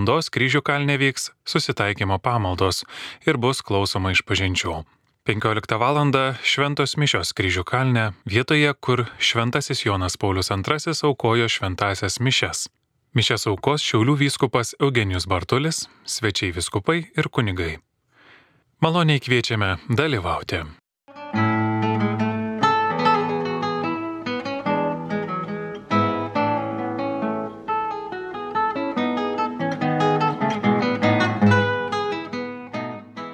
Brangus Marijos radio klausytojai, dėkojame Jums už Jūsų maldas, aukas, savanorystę. Dėkojame ir kviečiame susitikti su Marijos radio savanoriais Liepos 30 dieną sekmadienį Kryžių kalno atlaiduose. Savanoriai lauks Jūsų aikštėje įrengtoje palapinėje ir prie tako į kalną. Trakų švenčiausias mergelės Marijos apsilankimo bazilikoje. Skaudvilės Švento kryžiaus bažnyčioje. Jonavos Švento Jokūbo bažnyčioje kur bus švenčiami tituliniai atlaidai ir parapijos 230 metų jubiliejinė šventė. Alvito Vilkaviškio rajone Šventos Onos bažnyčioje, kur bus švenčiami tituliniai atlaidai. Alsėdžių plungės rajone švenčiausias mergelės Marijos nekaltojo prasidėjimo bažnyčioje kur bus švenčiami Šventos Onos atlaidai. Šeštokų Lazdijų rajone švenčiausios mergelės Marijos nuolatinės gelbėtojos bažnyčioje, kur bus švenčiami švenčiausios mergelės Marijos Angelų karalienės atlaidai. Dėkojame Jums, kad visokiojopai remiate Marijos radio veiklą ir melžiamės už Jūs.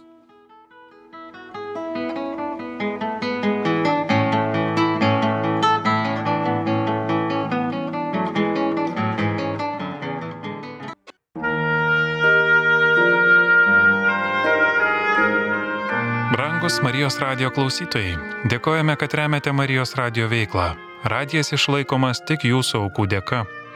Paremti Marijos radiją galite telefonu paskambinę trumpuoju numeriu 1622, paukosite 5 eurus, paskambinę trumpuoju numeriu 1623, paukosite 10 eurų.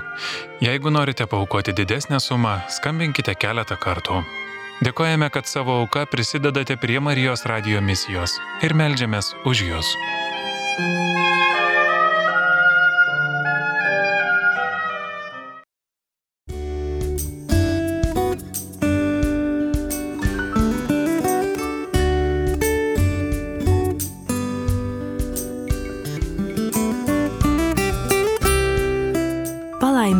jums laiko su Marijos radiju.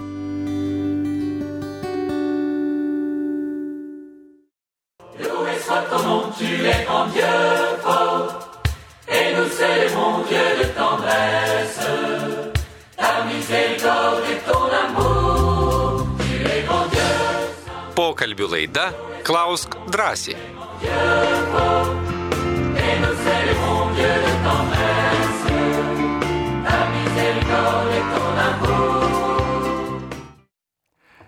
Garbėjus į Kristį, brangus Marijos radio klausytojai, mes grįžtame į laidą Klaus drąsiai kartu su Arūnu Kučiuku, diakonu, Kauno Karitas vadovu ir aš kuningas Sigitas Jurkštas.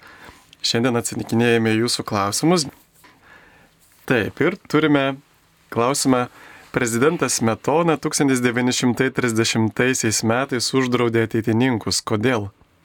Taip, tai keletą, keletą minčių, kiek, kiek žinau, gal ne, ne visai tiksliai pasakysiu, bet e, galima būtų turbūt taip atsakyti, kad vis tiek prezidentas Metona mm, ir, ir dėmesys jam ir jo, ir jo valdymas vis tiek formavo tam tikrą prasme Lietuvoje vado kultą, kas buvo ir kituose to meto šalise e, būdinga.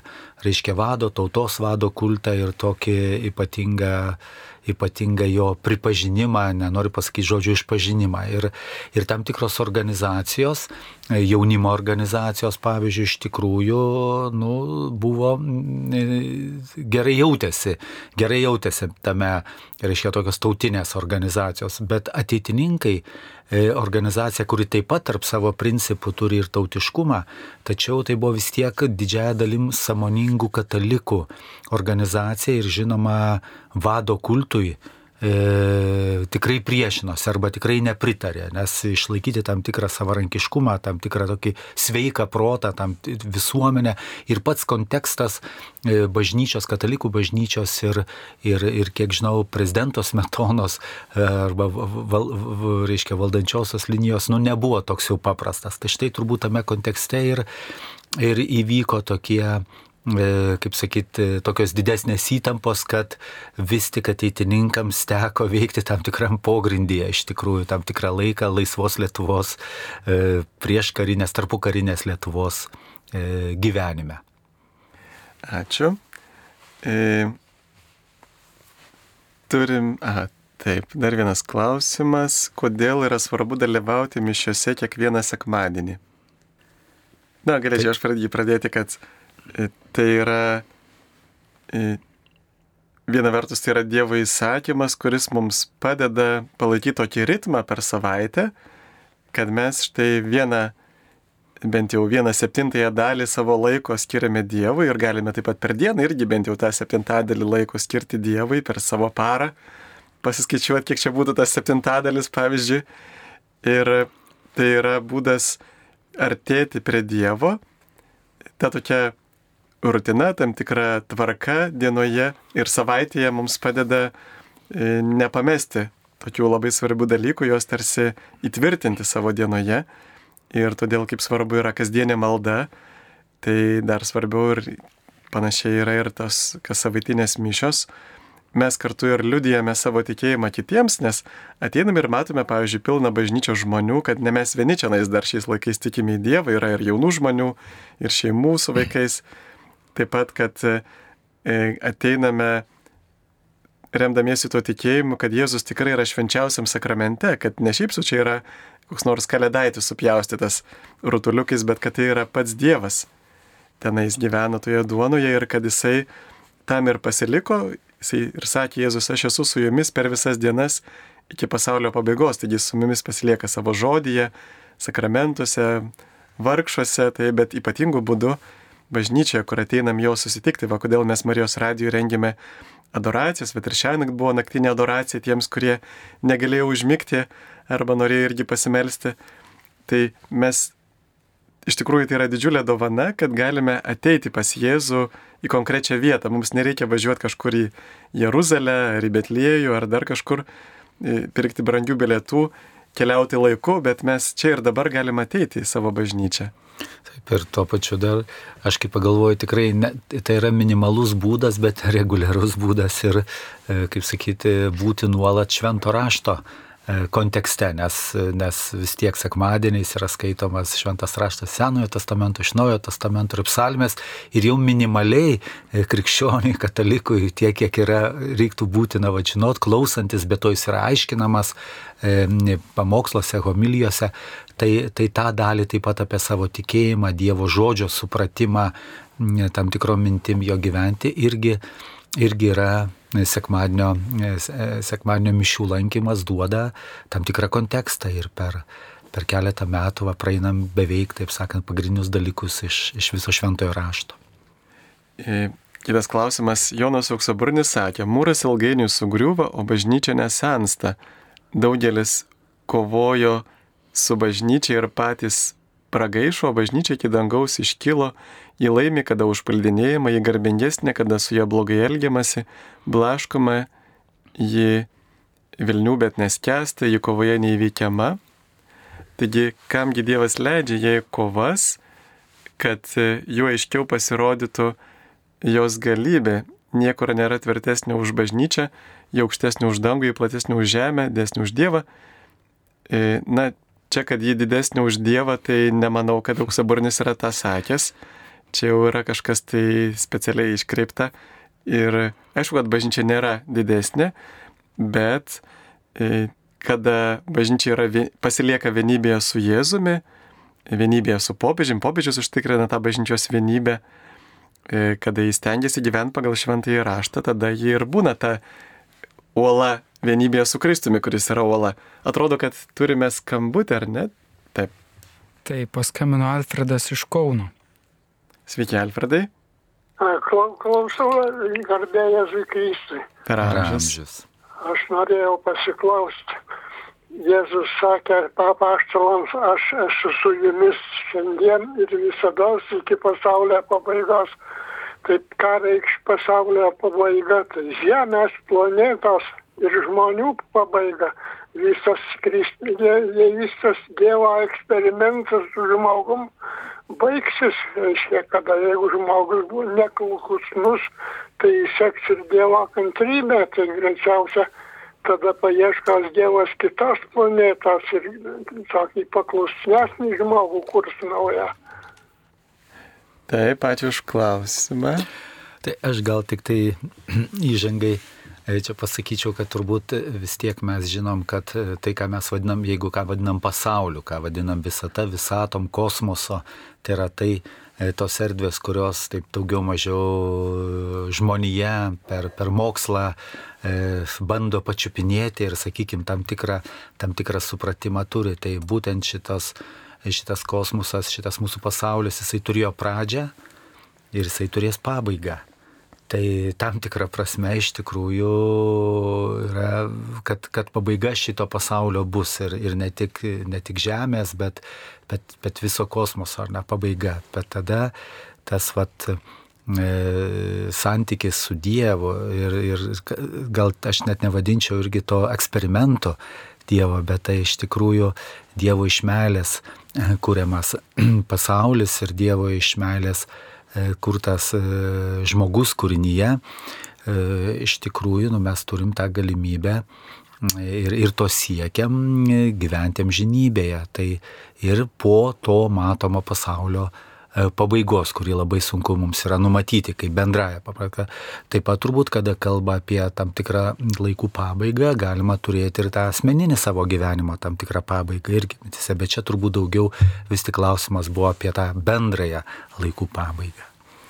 Taip, radau čia tokį e, skaitinį iš antrojo Petro laiško, trečios skyriaus viešpats negaišta ištiesėti pažado, kaip kai kurie mano, bet kantriai elgėsi su jumis, nenorėdamas, kad kuris pražūtų, bet kad visi atsiverstų, o viešpaties diena ateis kaip vagis. Tuomet dangus praeis su smarkiu užėsiu, elementai sudegs ir suskils, ir žemė su savo kūriniais sudegs. Jeigu visa turi taip suirti, tai kaipgi jums reikėtų pasižymėti šventų gyvenimu ir maldingumu, kaip laukti Dievo dienos, kaip skubinti jos ateimą, kai dangus suirs liepsnuose ir elementai sutirps iš karščio. Pagal jo pažadą mes laukime naujo dangaus ir naujos žemės, kuriuose gyvena teisumas.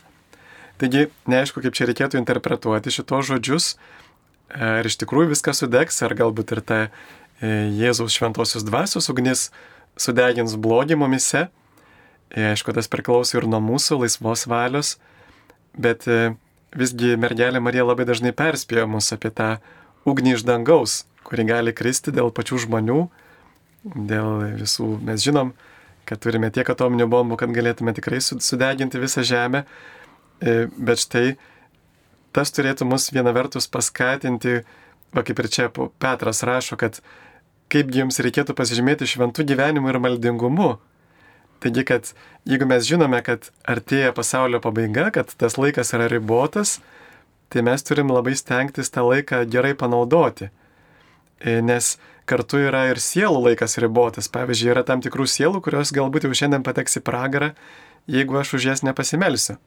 Nes jos savo valia, laisva valia atmetė Jėzaus atpirkimą. Ir va, galbūt aš galėčiau padėti joms prablaivėti nuo velnio žabangų.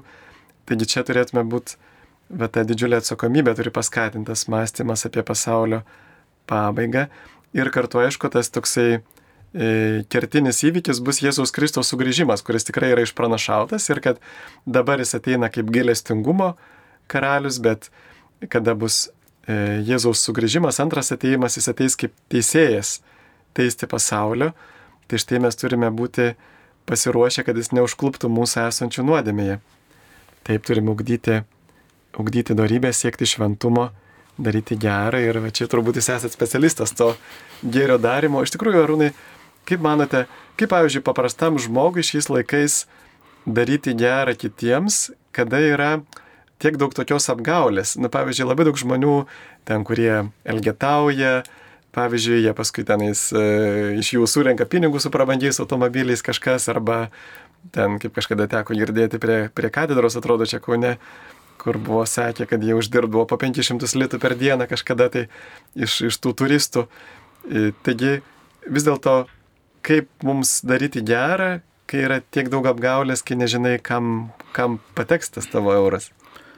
Tai iš tikrųjų tie, kurie galbūt dabar, e, kaip sakyt, gerai orientuojamės arba geriau orientuojamės šitame gyvenime, šitam pasaulyje, Tai e, tikrai yra įvairių iniciatyvų ir čia yra internetas, yra organizacijos, yra galimybė pasižiūrėti e, ir pasitikrinti, pasikalbėti su kitais, kiek tai yra patikimi dalykai, bet dažniausiai organizuotos grupės ar įsteigti juridiniai asmenys ar dar, jie jau duoda tam tikrą, sakyčiau, ta, nebūtinai ten absoliutų, bet tam tikrą nu, tikrumą, kad, kad čia, vat, jeigu paremsim, tai, tai tikrai būtų, būtų naudinga. O jeigu vis tiek čia mažiau taip e, gal stebim tą pasaulį, mažiau žinom, e, tai aš sakyčiau tikrai savo parapijoje yra savo parapija, yra bendruomenė, dažniausiai bendruomeniai tikrai bus e, kokia viena ar kita akcija pagelbėti vargstantiems, o jeigu jau yra karito grupė ar kita kokia gailestingumo darbų grupė, tai gali žmogus visai ramiai pasiteirauti ir sakyti, va, aš galėčiau truputį prisidėti ir jeigu tikrai abejoju ar palikti tą pinigą e, prie bažnyčios vartų ar, ar kažkur kitur prašančiam, algetaujančiam žmogui, e, ten tai, tai galiu tada tiesiog prisidėti prie kitų savo bendruomeniai, savo parapijoje ir tikrai būti užtikrintų, kad jau bendruomenė, e, bendruomenės vardu e, tą pagalbą iš tikrųjų gaus tie žmonės, kuriems reiks. Ir ar ten vienišos mamos, ar ten vaikams kažkokia pagalba, ar prieš kalėdas, e, kaip yra įprasta palaikyti silpnesnius žmonės. Tai, tai čia, sakyčiau, yra toks pats, pats paprasčiausias būdas. O, o, o, o kartais net ir mm, čia jau turbūt irgi yra kiekvieno žmogaus sąžinė. Aš, aš asmeniškai tai sakyčiau taip, jeigu jau esu mieste ir kur nors ten ar einu pro šalį, ar einu į bažnyčią, ar, ar net, sakysim, kokioje laisvės alėje ar kažkur kitur, ten kartais atsisėdam, nu, ka, išgerti podelį arbatos, tai iš tikrųjų stengiuosi turėti kišeniai kokią 50 smulkių centų ir labai daug galvos nesuku, kaip tie 50 mano centų ten, jeigu ateina žmogus, net jeigu jis ir manipuliuoja ten ir taip toliau, bet iš jo išvaizdos matosi, kad dažniausiai ne, kad, nu, nenorėčiau aš būti jo vietoje ir taip toliau, tai man labai nu, kaip sakyti, aš labai jau neno, jo nemoralizuoju ir ten daug nekalbu, tada tiesiog, vat, pažiūriu į akis, paukoju ir, ir arba jam ten duodu tą mintį. Tai, bet čia sakau tokie E, jau, jau, jau kaip kas norėtų, jau kaip kas norėtų. Yra ir kiti būdai. Pavyzdžiui, žmogus stovi prie parduotuvės, prašo ar, ar prie bažnyčios vartų, tai galima kartais su juo truputį ir pasikalbėti. Man yra buvęs atvejis važiuojant ir iš tikrųjų mes nežinom, e, kaip pravažiuoti ten, reiškia, į, į tokią gyvenvietę, prieėm prie prieėm prie parduotuvės, parduot, prie parduotuvės stovėjo žmogus, turbūt irgi galbūt vat, savo, nu, tam, tam tikrų poreikių patenkinimui prašė. Paklausėm jo kelio, jisai su tokiu džiaugsmu pasakoja, kur ten reikia važiuoti ir kaip reikia važiuoti, tai, tai tas paukotas pinigėlis gavosi tokie, pinigas tokie, nu, mainai gavosi. Jisai pats pasijautė, nors jis prašė išmaldos, gal ten ir gudravo, bet kad galėjo paskui papasakot, pasirodytis labai nuoširdžiai, mums ten papasakoja, dar rodė su ranka, mojavo, dar paėjo į priekį priekį. Tai va, kartais ir tokie dalykai yra. Bet jeigu grįžtant prie to, tam ir yra labai svarbu, kad esam parapijų, bendruomenių nariai, galima per jas padėti, per ten esančius geriau informuotus žmonės. Taip, ir dar man atrodo toks praktiškas būtų patarimas irgi pastebėti tas iniciatyvas, va kaip ir jūs minėjote, tas organizuotas grupės, nes asmeniškai žmonės dažnai tikrai gali apgauti ir, ir be to pradėti reikalauti, kai tu paremi asmeniškai, tai tas žmogus ateis po kiek laiko ir reikalaus, tu man dabar privalai duoti pinigų, bet jeigu mes remiam organizaciją, tai tuomet, e, na, to išvengiame.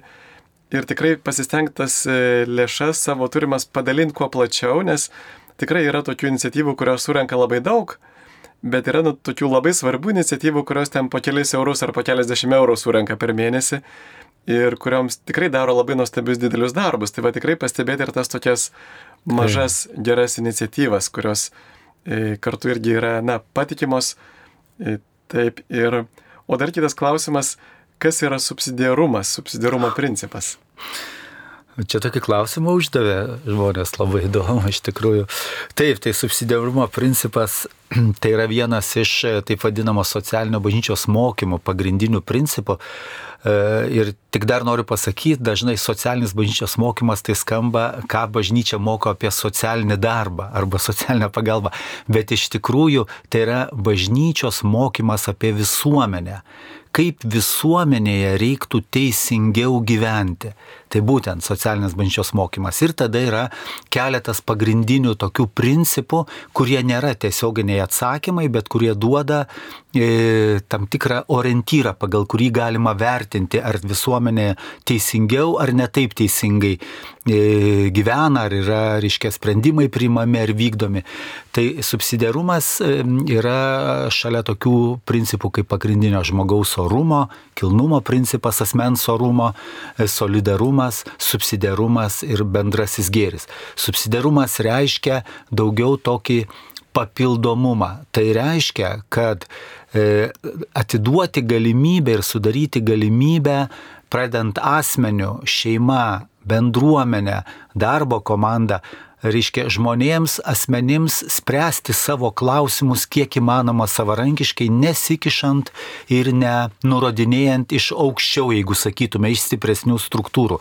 Bet jeigu tie tiek asmuo, tiek šeima, tiek bendruomenė nesugeba susitvarkyti su tam tikrais klausimais, kurie yra egzistenciškai jiems svarbus, tuomet aukštesnės institucijos, ar savivaldybės valdžia, ar valstybės ministerijos turi pagal principą privalo įsikišti, padėti, bet čia vadinasi pagalba savipagalbai.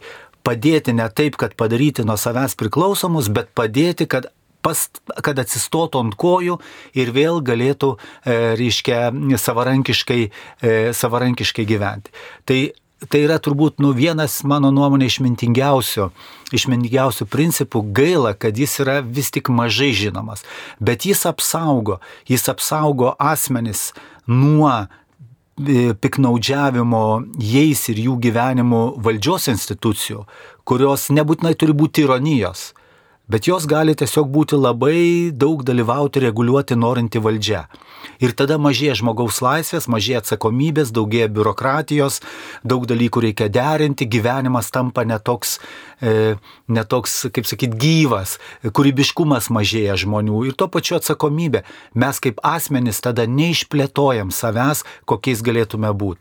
Bet iš kitos pusės subsidarumo principas kuris sako, valdžia privalo stebėti, privalo padėti ypatingai tiems, kuriems sekasi silpniau ir juos statyti ant kojų. Tai leidžia, taip sakant, sumažinti labai didelius skirtumus visuomeniai tarp žmonių, tiek tarp jų turtinės padėties, tiek tarp galimybių ir išvengti galimo chaoso ir iš vis sugriuvimo, jeigu nebūtų valdžia, valdžios. Pavyzdžiui, Afrikos šalis vat, labai stipriai kenčia, ne tik Afrikos, bet kitos silpnos kenčia dėl to, kad neturi gerai veikiančios viešosios administracijos. Mes čia dažniausiai savo valdžią keikiam, bet ten kraštai, kur visai ta valdžia sunkiai reguliuosi, žmonės labai blogai gyvena. Taigi subsidiarumo principas yra va toks papildomumas. Ačiū labai, turime skambutį. Teklė iš telšių paskambino. Garbė, garbė Jėzui Kristui. Taip, per amžius. Turit ir klausimus neišjungkit šitą pirmas klausimas, kodėl kunigai neskelbė šitokį labai brangį da, e, intenciją, reiškia, rūpjūčio antrą ir atvilykis, kad ateina.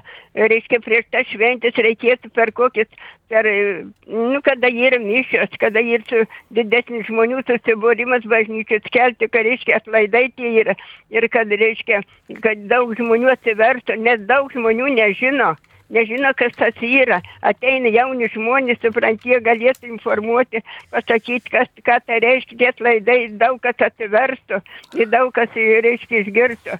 Antras klausimas. Ar jeigu žmogus, jeigu žmogus, supranti, seną žmogų persekioja ir, ir reiškia, išneša iš, iš namų, ateina į namus, nu, atirakina būtą, reiškia, žino, kaip įeit, kada nesu vieną gyvenu, reiškia, išneša vaistus ir, ir rožančių šves, švestus vandenis, rožančius paima ir, ir dar kitus maistą neša. Supranti, ar jeigu aš atleidžiu, ar tas žmogus nueis į dangų, ar jam bus atleista. Trečias klausimas. E, e, reiškia, aš, aš aukoju mišę šitais. Nuo pasaulio pradžios, skaičiau knygą Joną Burkaus, nuo pasaulio pradžios mišės, kada buvo paukotas iki pasaulio pabaigos, kiek bus dar paukotų ir šias šventas mišės aukojimus visam pasauliu. Aukoju už bedievišką šeimas, bedievišką jaunimą ir už savo šeimas, savo vaikų šeimas. Ar gerai darau, ar, ar, ar, ar užsiskaito šitie dalykai laukia atsakymą. Ačiū už klausimą. Tai kalbant apie porciunkulę, turbūt irgi daugelis esate girdėję apie šventąjį pranciškų, kaip jisai, na ir iš viso porciunkulė, tai reiškia, na, išvertus į lietuvų kalbą tokia dalelė, mažas e, sklitelis, kur buvo maža bažnytėlė, e, ta angelų Marijai dedikuota bažnytėlė, kurią 13 e, amžiaus pradžioje šventasis pranciškus atstato, sutvarko ir jisai turi tokį regėjimą, kad iš paties Jėzaus gauna indulgenciją arba atlaidus, e, tai vadinami kaip pasyžiaus atlaidai, porciunkulės atlaidai. Ir tuomet e, jau milijonai piligrimų per tos 800 metų vis trokšta e, patekti ten, gauti tos atlaidus. Aišku, mes galime atlaidus gauti, bažnyčia duoda įvairiomis progomis, bet e, galime porcinkulės atlaidus, vad gerai, kad paminėjot, pelnyti bet kurioje pasaulio parapijos ar pranciškonų bažnyčioje. Tiesiog, e, kad mums nereiktų kažkur toli keliauti, mes galime ateiti į savo bažnyčią tuo metu ir gauti atlaidus ir svarbiausia, kad mes atliktume išpažinti, pasiryštume net ne šiaip su tokia, kaip sakyti, formal, formali, bet nuoširdžiai išpažinti, pasiryšti siekti šventumo. Va, ir tokiu būdu, pasimeldę popiežius intencijomis, gausime šitos atlaidus. E, ir va čia, kuo buvo ta parcinkulės atlaidai, kuo jie buvo ypatingi, kad e, tai buvo pirmas atvejis, kada atlaidai tiesiog suteikti, nu tiesiog veltui, kaip paprasta dangaus dovana. Tiesiog nereikėjo nieko kažko ypatingo daryti, tiesiog ateiti bažnyčią ir e, susitakyti su Dievu ir priimti komuniją ir gauti atlaidus.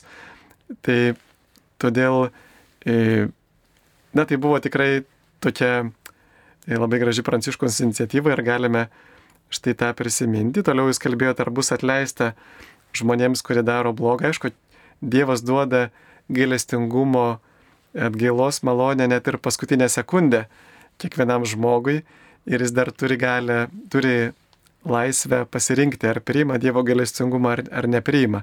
Ar sako, kad jau viskas, aš jau manau, kad man negali būti atleista, nors tikrai nėra tokio dalyko, ko Dievas negalėtų atleisti. Kaip sako Šventoji Teresėlė, kad visos mano nuodėmės palyginti su Dievo gailestingumu yra kaip lašas begalinėje jūroje. Ir trečias klausimas, sakėte, ar gerai darote, kad aukojate, melžytės. Tai aišku, vis, visa tai yra gerai, tikrai čia nereikėtų vėlgi per daug prisirišti, kaip žinot, kalbėjome apie tą magišką dvasingumą, kad va būtinai kažkaip tai tik taip ir ne kitaip, tik tokį burtažodį pasakyti ir ne kitokį. Svarbu, kad turėtumėt gerą intenciją ir, ir viskas bus gerai. Taip. E, vienas klausimas yra apie angelus. Ar serafinai, cherubinai yra angelų rūšis? Kokių yra dar? Ką galite apie juos papasakoti, kaip jiems melstis? E, tai gal trumpai atsakysiu, va čia jau turime skambutį, bet trumpai atsakysiu, kad e, šventasis raštas mini taip serafinus, cherubinus, E, mini arkangelus e, Gabrielių, Mykolą, Mykolą Gabrielių ir Rapolą ir daugiau nelabai ką ir mini. E, ir visi kiti dalykai jau ateina iš tokių bažnyčios tėvų, iš, pavyzdžiui, dabar tokie Gabrielės Bitterlich regėjimai, kur į lietuvo kalbą yra išversti. Tai aišku, mes galime praktikuoti tai iki tam tikro laipsnio, bet bažnyčia yra uždraudusi kreiptis į tuos angelus, kurių vardai nėra minimi šventajame rašte. Nes, nu, galbūt tai yra, va, pavyzdžiui, Luciferis, ne irgi yra, atrodo, gražus vardas šviesos nešėjas, o iš tikrųjų yra, reiškia, šetonas, tai todėl mes turime nenaudoti tokių vardų angelų, kurių nėra paminėti šventajame rašte ir turime irgi turėti tam tikrą nusaikumą. Apaštalas Paulius laiškė kolosiečiam perspėja, tegul niekas neneigia jums vainiko pamėgęs tariamą nusižeminimą ir angelų garbinimą, įsigilinęs į regėjimus ir be pagrindo pasipūtę savo kūniškais samprotavimais. Tai tiesiog večiau žvelgime į tai, ką bažnyčiai ypatingai katekizme moko apie angelus, jie mus saugo, už mus meldžiasi. Tai va galime tikrai ugdytis tokį atvirumą Dievo valiai, kad jie galėtų mums padėti. Turime skambutį. Teklė iš Kauno. Taip, teklė klausome. Taip, jau galiu kalbėti? Taip.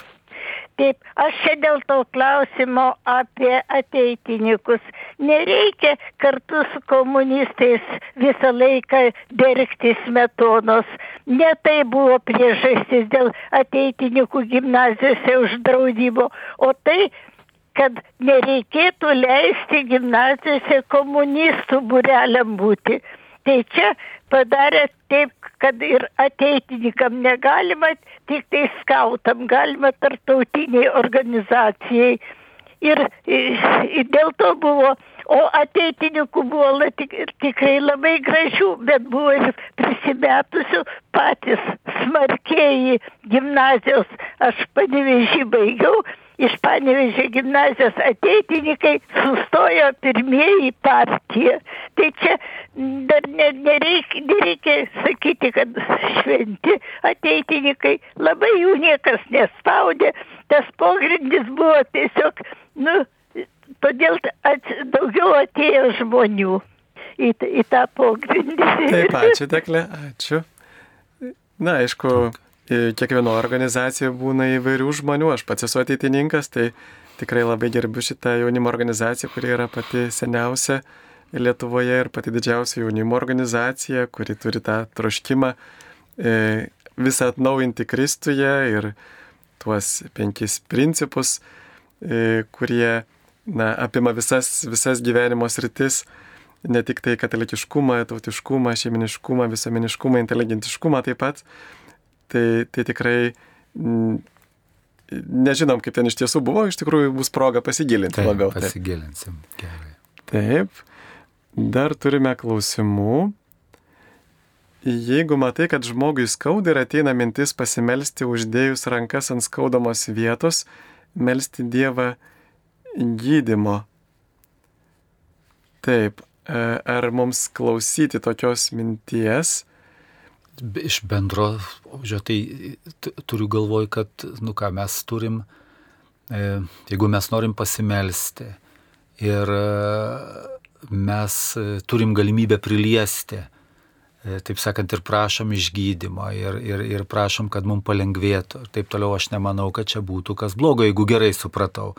Nes e, bendrai mes kaip žmonės net vadina dabar medikai lėtimo terapija kad jeigu kada lėti kitą žmogų su jo valia, su jo pritarimu žinoma, ar ne, ir ten tą vietą, kur jam skauda ir taip toliau, ir meldiesi, tai, tai neturėtų čia būti kažkaip nieko blogo, bet vėl, kaip sakant, jeigu nebent, e, nu, tą kažkaip tai pradėtume magiškai jau truputį e, daugiau galvoti, o gal, gal taip. Aš prisimenu, kažkada man buvo labai e, bloga ir, ir pykino ir aš atėjau į svečius, na galvoju, šiek tiek pasveikinsiu ir išeisiu. Ir ten buvo tokia graži balta katytė. Ir jinai kaip tik atėjo ir atsisėdo man ant pilvo, kur man skaudėjo. Ja.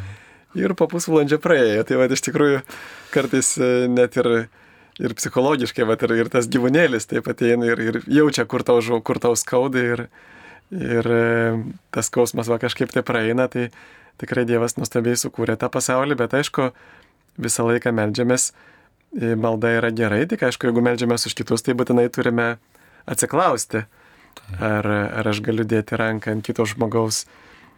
E, taigi primename, kad dar jeigu kas norėtų, galėtume dar suspėti parašyti kokį nors klausimą žinutę 8 650 49107 arba paskambinti į tiesioginį eterį Kaune 323230 e, ir mes Toliau e, kalbame su jumis. E, prie mikrofono aš kuningas Įgytas Jurkštas ir kartu kalbame su Arūnu Kučiuku, kuris yra diakonas ir Kauno karito vadovas ir štai mums paskambino. Regina iš Molėtų rajono. Taip, Regina, garbėsiu Kristų. Garbėsiu Kristų. Amžius amin. Kunigėlis, žinau, kad ir, ir direktorius.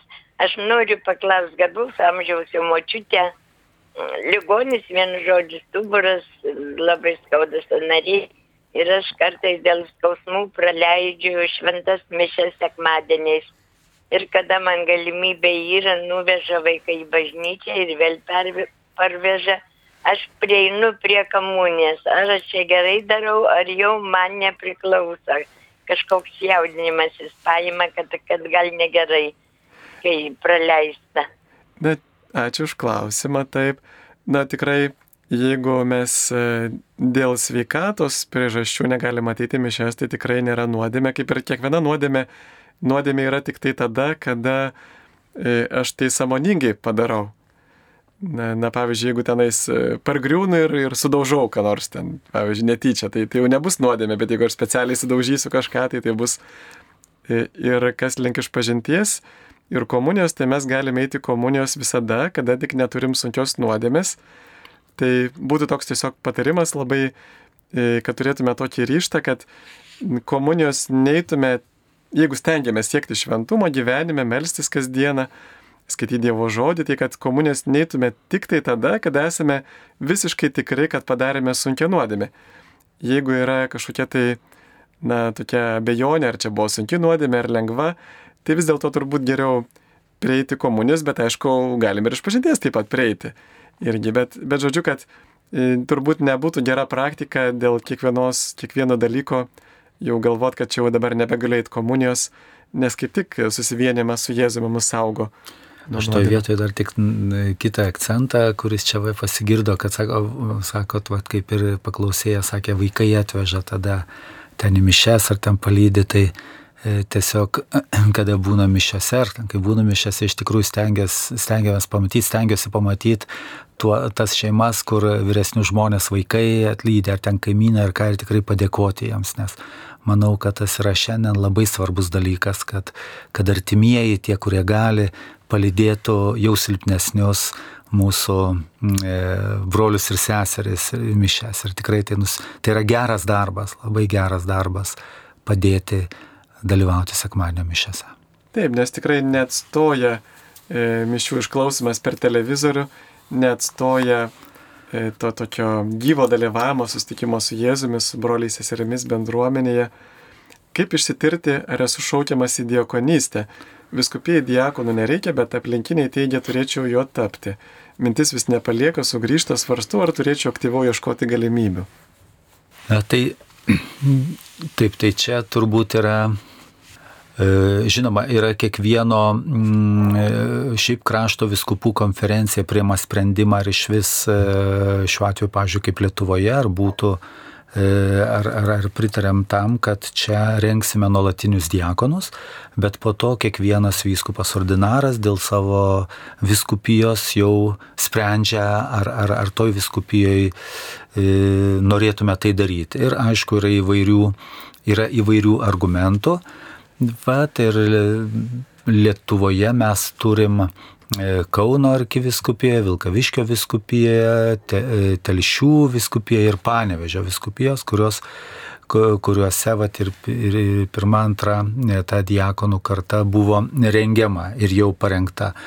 Dabar taip, žinoma, yra svarbu tiesiog tas e, toks vidinis noras, gyvenimas bažnyčios gyvenimo ir tam reikalinga irgi yra tam tikra branda, nes pavyzdžiui, kad tik atsivertęs žmogus, net jeigu ir būtų e, jau metų turėtų, dar nėra labai tinkamas, reikia šiek tiek pabręsti tikėjime, pabūti, tas brandimas, rengimas, sakysim, taip tinkamumo diekonatui jis turėtų būti bendruomenė irgi kažkokioje savo parapijoje ar, ar kaip kas va, ten gyvųjų akmenų bendruomenė bendruomeniai, pavyzdžiui, mano brolius Martynas ten taip jau dalyvavo. Tai reiškia ir žinoma, tas yra svarbu, kad e, ką žmonės irgi pastebi e, tavyje. Na, bet pašaukia ir pripažįsta tą pašaukimą, taip sakant, vis tik jau bažnyčia, bažnyčios vardu pripažįsta mūsų ganytojai, mūsų, mūsų autoritetai. Tai dabar man taip net ir sunku būtų ir sunku būtų sakyti, kad gyvenant vis tiek vienoje teritorijoje, jeigu toje viskupijoje viskupas e, dar turi kažkokį kitą sprendimą, va, tai net nežinau, kaip čia atsakyti, matyti jau. Taip, ir čia turbūt e, geras būdas būtų e, būtinai ieškant pašaukimo turėti dvasinį palidėtoją. Taip. Kuniga, pavyzdžiui, ir stengtis tokį pasirinkti, kurio, kuris būtų autoritetas ir kurio galėtume tikrai klausyti, kuriam galėtumėt paklusti Ir štai Dievas labiausiai veda per nuolankumą ir paklusnumą. Taigi mums liko vos porą minučių. Gal dar, jeigu trumpai, e, kokią karitas šiuo metu teikia pagalbą Ukrainai, jeigu dar per minutę atsakytumėt. Taip, tai pačiai Ukrainai tai e, teikiam pagalbą iš iš e, saukotų lėšų ir daiktų. Tai per nuo karo pradžios, e, reiškia, buvo dvi tokios didelės akcijos, bažnyčioje buvo skelbiamos, tiek karto ir viskupų konferencija, viskupai skelbė ir, reiškia, bendrai jau esame lėšomis virš milijono eurų pervedę karitoj tiek didžiajam e, Ukrainos karitui, tiek karitas PES, Latino peigų karitui. Taip. Ir apie 20 vilkikų, didelių vilkikų su daiktais, kurie taip pat buvo saukoti, tiek žmonių tikinčiųjų, geros valios žmonių įmonių, saukoti apie 20 vilkikų buvo išsiųsta į Ukrainą. Tai va tie karitas e, organizavo, tarpininkavo, bet tai yra mūsų tikinčiųjų ir geros valios žmonių, žmonių pagalba. Taip. Ukrainai. Tai ačiū labai visiems uždėmesi ir kurie klausinėjo ir klausėsi, ne į visus klausimus suspėjome atsakyti. E, taip, kai kurie klausimai labai kartojasi kiekvienoje laidoje, tai irgi jų nebeatsakinėjame. Ir iki kitų susitikimų, tegul Dievas laimina ir e, galbūt ir jūs, e, kaip diakonas, galėtumėte steigti palaiminimą mūsų klausytojams. Na, paprašyti, kad Dievas laimina. Taip, taip, taip. Te laimina mus visus visagalis Dievas, Tėvas ir Sūnus ir Šventoji Dvasia. Amen. Amen. Sudė, labai dėkojame Arūnai už tai, kad sutiko dalyvauti. Čia buvo Arūnas Kučikas, diakonas ir Kauno karito vadovas. Ačiū už pakvietimą. Sudė.